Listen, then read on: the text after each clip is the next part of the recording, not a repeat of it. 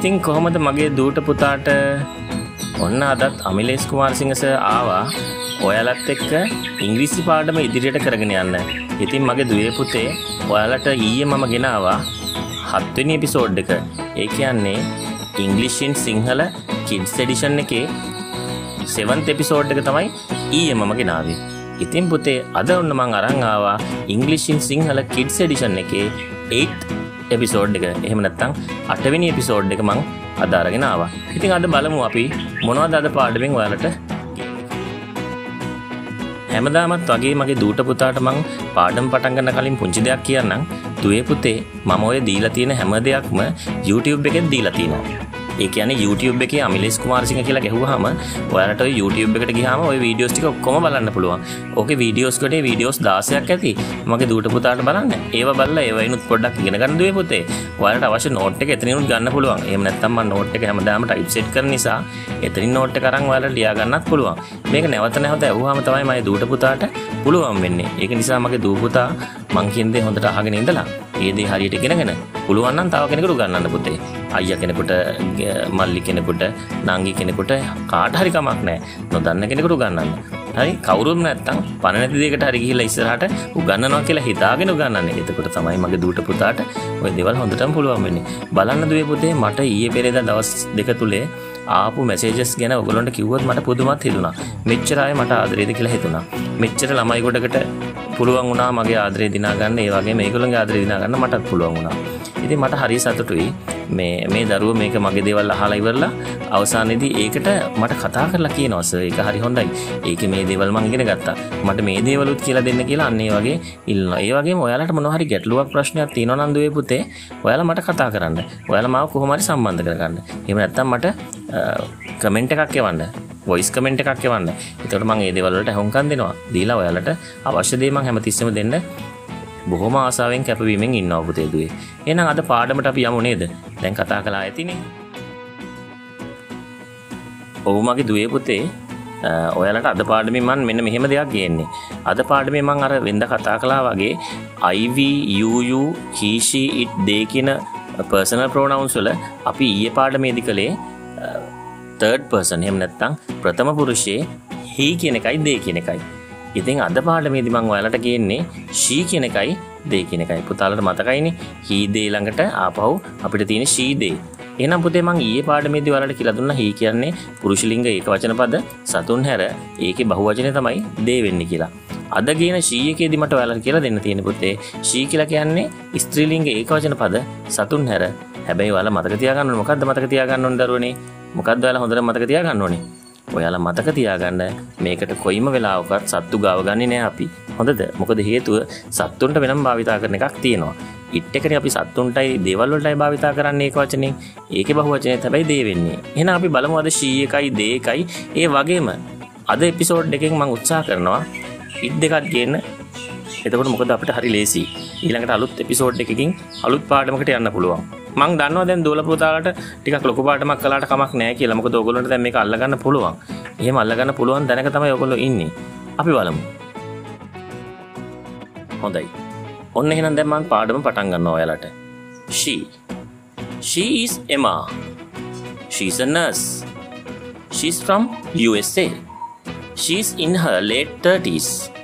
She's helping a patient now. She is in her ward now. She loves classical music. She works in a hospital.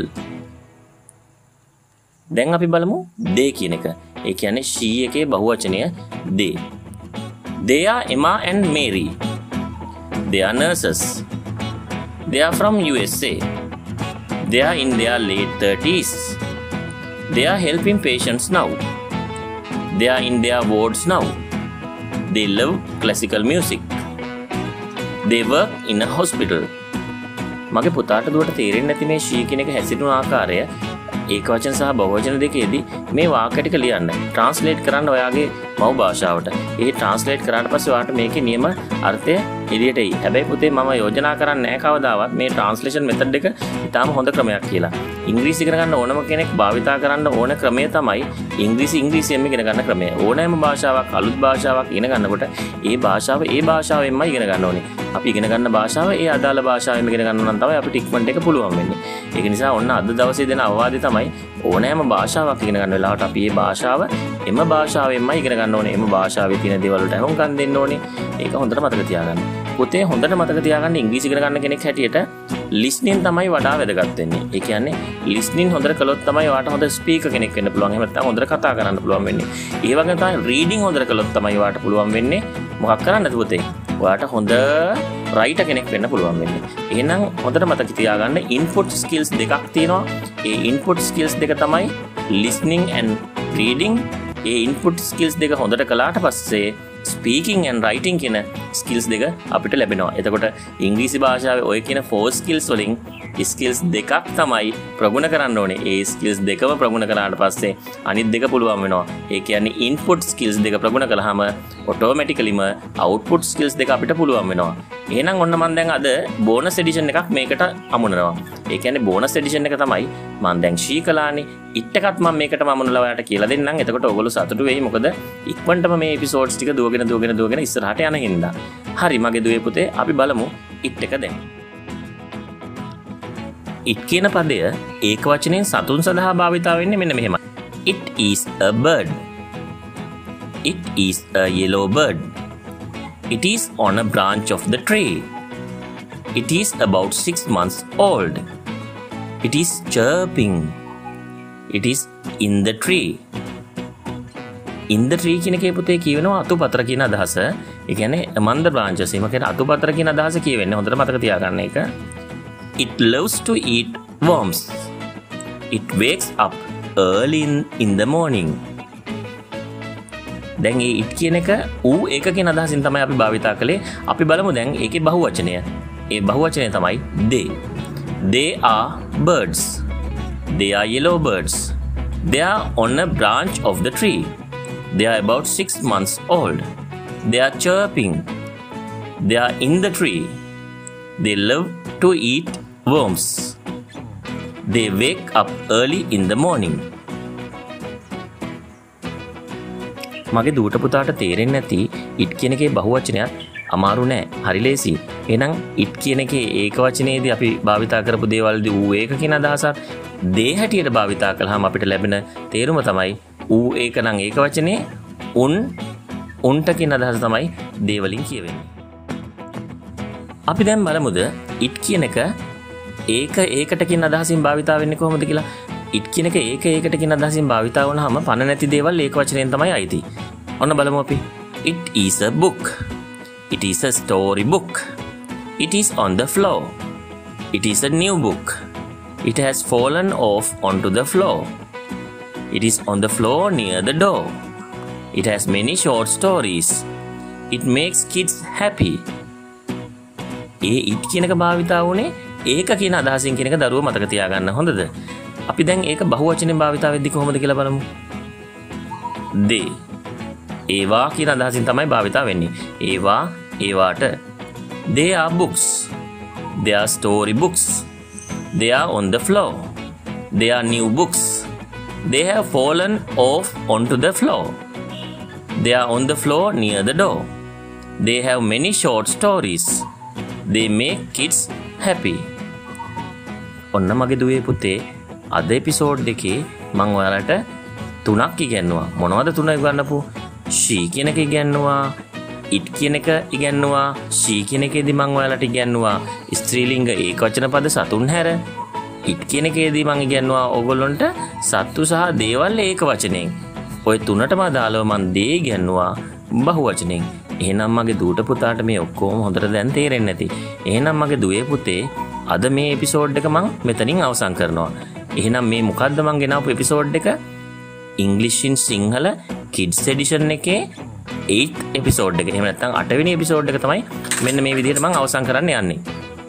ඔයාලා හොඳට මතක තියාගන්න සෞඛ්‍යංශවල ආරක්ෂකංශවල රජයේ ඒ වගේම අපිට මේ දෙන උපදෙස් ඒ සියල්ල ඉතා හොඳින් පිළිපදින්න මොකද මේ කොවිඩ් වසංගතයෙන් බේරෙන්න නම් ගැලවිලා ඉන්න නම් අපිට අපි හැමතිස්සෙම ඒ දේවල් වලට අහුම්කම් දෙන්න ඕනේ. අර මං කිව්ව විදිහේ ඩයරියක් ඔයගොල්ලෝ දැන් මේන්ටේන් කරනවද? මං හිතනවා ඔයාලා මං කියන දේවල් අහනවා කියලා. ගොඩාක් ළමයි මට හරි ආදරෙයි. ඒගොල්ලෝ මං කියන දේවල් අහනවා. ඒගොල්ලෝ සමහරක් වෙලාවට මට කියනවා සර් කියන හැම දෙයක්ම පිළිපැද්දාම අපේ කාලසටහන හරි ක්‍රමවත් වුණා කියලා. ඒක නිසා පුතේ හොඳ කාලසටහනකට වැඩ කරන්න පුරුදු වෙන්න. ඒක තමයි ඔයාලගේ සාර්ථකත්වයේ රහස. තේරුණාද? අපි අවුරුදු 50ක් ජීවත් වෙලා අවුරුදු 15ක් නිදියපු මිනිස්සු වෙන්න හොඳ නැහැ. ඒක නිසා අනිවාර්යයෙන්ම දවසේ අඩුම තරමේ පැය 18ක්වත් වැඩ කරන පැත්තට දාගන්න. පැය 6ක් 7ක් අතර කාලයක් නිදාගත්තාම හොඳටම ඇති. ඒක හොඳට තේරුම් ගන්න. ඒ ඒ වයසට අනුව ඕක වෙනස් වෙන්න පුළුවන්. නමුත් පොදුවේ සමස්තයක් හැටියට පැය 6ක් 7ක් නිදාගත්තාම හොඳටම පුතේ දුවේ මං කිව්වේ ඔයාලට ඔයාලා තේරුම් ගන්න ඕනේ කාරණාවක්. පැය 6කට 7කට වඩා බුදිය ගත්තොත් එහෙනම් මොකද වෙන්නේ? ඔයාලා නිදා ගන්නවා දැන් පැයකට 6කට 7කට වඩා. එහෙම නිදා ගන්න හොඳ නැහැ. එහෙම නිදා ගත්තාම සෞඛ්‍යයට ඒකත් හොඳ නැහැ. අඩු නිින්ද හොඳත් නැහැ. වැඩි නිින්ද හොඳත් නැහැ. ඒක නිසා ඒක අමතක කරන්න එපා මගේ දූ පුතා. හොඳද? එහෙනම් පුතේ දුවේ ඔයාලා ඔක්කොටම ආයු බොහෝ වේවා කියලා මම මේ එපිසෝඩ් එක අවසන් කරනවා. එහෙනම් මම අර වෙනදා කියනවා වගේ මේවා ෂෙයා කරන්න, යාළුවන්ට කියන්න හුඟක් දෙන්න කියලා. මේකෙන් සේවයක් සපයන්න පුළුවන් ගොඩාක් අයට. ඒක නිසා අපි ඔක්කොම එකතු වෙලා හැමෝටම උදව් කරමු මේ වෙලාවේ. හොඳද? බුදු සරණයි දේව පිහිටයි එහෙනම් මගේ පැටවුන්ට මං ගිහිල්ලා හෙටත් ඔයාලම හම්බ වෙන්න නැවතත් අලුත් එපිසෝඩ් එකකින් එන්නම් පුතේ දුවේ